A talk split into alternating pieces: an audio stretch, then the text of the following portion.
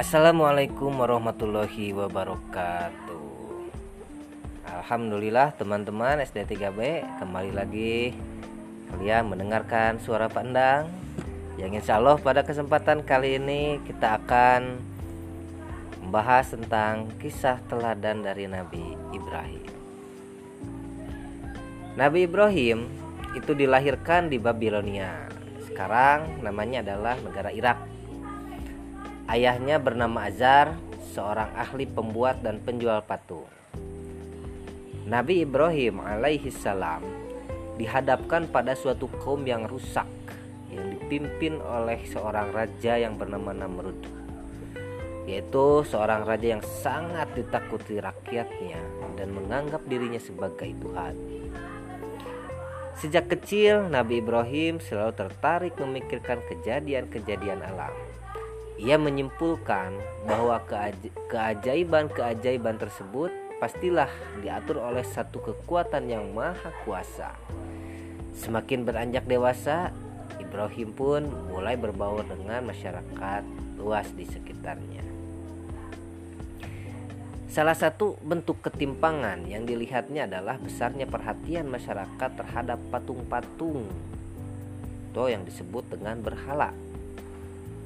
Nabi Ibrahim yang telah berketetapan hati untuk menyembah Allah Subhanahu wa taala dan menjauhi berhala. Memohon kepada Allah agar kepadanya diperlihatkan kemampuannya, kebesaran Allah Subhanahu wa taala yaitu menghidupkan makhluk yang telah mati. Apa tujuannya? Nah, tujuannya adalah untuk mempertebal iman dan keyakinannya. Lalu Allah Subhanahu wa taala memenuhi permintaannya Atas petunjuk Allah, empat ekor burung dibunuh dan tubuhnya dilumatkan serta disatukan. Kemudian tubuh burung-burung itu dibagi menjadi empat dan masing-masing bagian diletakkan di atas puncak bukit yang terpisah satu sama lain. Kemudian Allah Subhanahu wa taala memerintahkan Nabi Ibrahim alaihi salam untuk memanggil burung-burung tersebut. Atas kuasa Allah Subhanahu wa taala, burung yang sudah mati dan tubuhnya terpisah itu hidup kembali. Hilanglah segenap keraguan-raguan hati Ibrahim tentang kebesaran Allah Subhanahu wa taala. Kemudian kisah Nabi Ibrahim menghancurkan patung berhala. Orang pertama yang mendapat dakwah Nabi Ibrahim adalah Azar, ayahnya sendiri Azar sangat marah mendengar pernyataan bahwa anaknya tidak mempercayai berhala yang disembahnya. Bahkan mengajak untuk memasuki kepercayaan baru, yaitu menyembah Allah Subhanahu wa taala. Kemudian Ibrahim pun diusir dari rumah. Ibrahim merencanakan untuk membuktikan kepada kaumnya tentang kesalahan mereka menyembah berhala. Kesempatan itu diperolehnya ketika penduduk Babilonia merayakan suatu hari besar dengan tinggal di luar kota selama berhari-hari. Lalu Ibrahim memasuki tempat peribadahan kaumnya dan merusak semua berhala yang ada kecuali sebuah patung yang besar. Oleh Ibrahim, di leher patung yang besar itu dikalungkan sebuah kapak. Kapak yang digunakan untuk menghancurkan berhala-berhala atau patung-patung yang kecil. Nah, kemudian akibat perbuatannya ini, Ibrahim ditangkap dan diadili. Namun, ia menyatakan bahwa patung yang berkalung kapak itulah yang justru menghancurkan berhala-berhala mereka dan menyarankan kepada para hakim yang sedang mengadili Ibrahim untuk bertanya kepada patung tersebut. Oh, oh, Tentu saja para hakim mengatakan bahwa berhala tidak mungkin dapat ditanyai. Nah, saat itulah Nabi Ibrahim mengemukakan pemikiran yang berisi dakwah menyembah Allah Subhanahu wa taala. Nah, kemudian karena tidak terima dilecehkan seperti itu, hakim memutuskan Ibrahim lang harus dibakar hidup-hidup sebagai hukumannya. Kemudian saat itulah mukjizat dari Allah Subhanahu wa taala turun. Atas perintah Allah, api menjadi dingin dan Ibrahim pun selamat. Sejumlah orang yang menyaksikan kejadian ini mulai tertarik pada dakwah Ibrahim. Namun mereka merasa takut pada penguasa. Langkah dakwah Nabi Ibrahim benar-benar dibatasi oleh Raja Namrud dan kaki tangannya. Melihat kesempatan berdakwah yang sangat sempit, Nabi Ibrahim meninggalkan tanah airnya menuju Haron, yaitu suatu daerah di Palestina. Di sini ia menemukan penduduk yang menyembah binatang.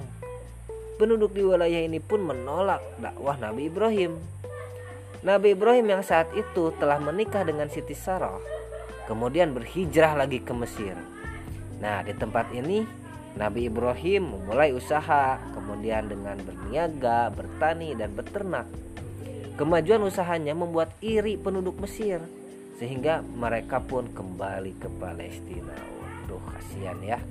Nabi Ibrahim bolak-balik asal dari Babilonia, hijrah ke Palestina, kemudian hijrah lagi ke Mesir, kemudian balik lagi ke Palestina.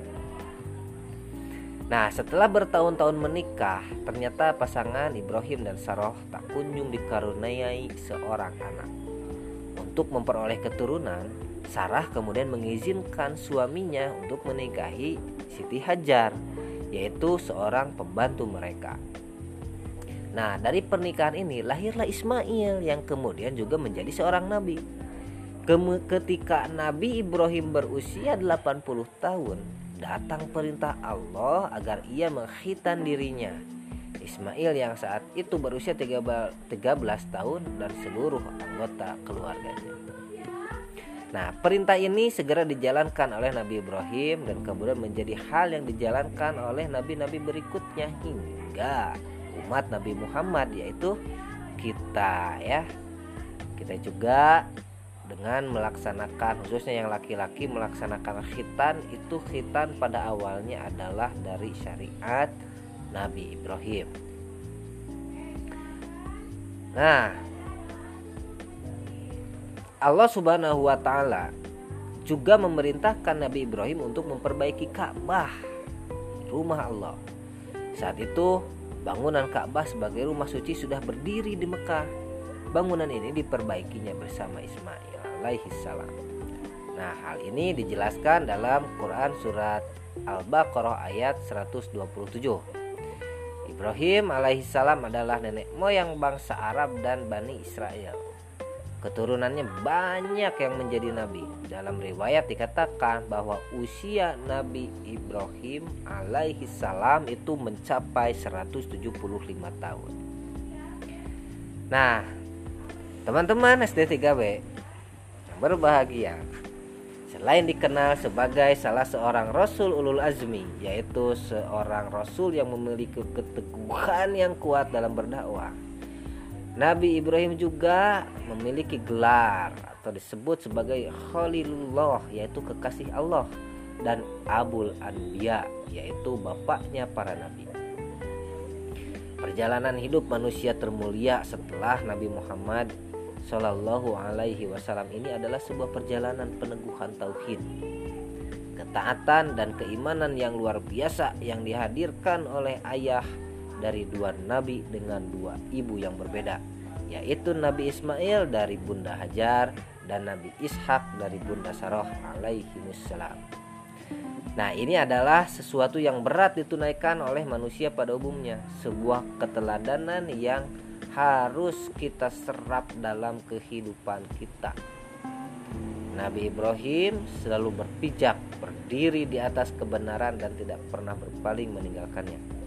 Posisi agamanya atau posisi dalam agama sangat tinggi, yaitu seorang imam dan selalu total dalam mengabdi kepada Allah. Beliau pun tidak pernah lupa untuk bersyukur atas segala nikmat yang dikaruniakan oleh Allah kepada dirinya. Nabi Ibrahim merupakan sosok pembawa panji-panji tauhid. Perjalanan hidupnya berat dengan dakwah pada tauhid yang penuh dengan rintangan. Beliau selalu mengajak umatnya kepada jalan Allah serta mencegah mereka dari sikap mengikuti terhadap ajaran sesat nenek moyangnya yang berlawanan dengan ajaran agama tauhid atau agama Islam. Nah, teman-teman yang saleh dan salehah, pun harus bisa mengambil pelajaran dan meneladani perjalanan hidup yang berharga dari kisah Nabi Ibrahim alaihissalam ini.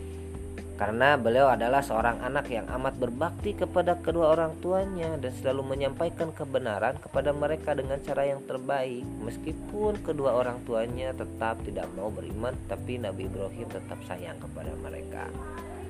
Nah, ketika sang bapak yaitu Azar sang pembuat patung Tuhan atau berhala menyikapinya dengan keras, Nabi Ibrahim tetap santun dan berdoa untuk kebaikan ayahnya. Teman-teman pun harus selalu berbuat baik kepada kedua orang tua dan guru dan juga teman-teman di rumah ataupun di sekolah. Nah, teman-teman SD 3B yang berbahagia, itulah kisah sedikit tentang Nabi Ibrahim yang di mana kisahnya penuh dengan keteladanan yang wajib kita ikuti dan teladani. Nah, itu saja kesempatan atau pertemuan kita pada kesempatan kali ini. Meskipun insya Allah nanti kita akan bertemu secara muka secepatnya karena Pandang pun sudah kangen sama kalian dan Bu Suci pun seperti itu. Mudah-mudahan teman-teman pun seperti itu mudah-mudahan kita semua tetap ada dalam kesehatan. Wassalamualaikum warahmatullahi wabarakatuh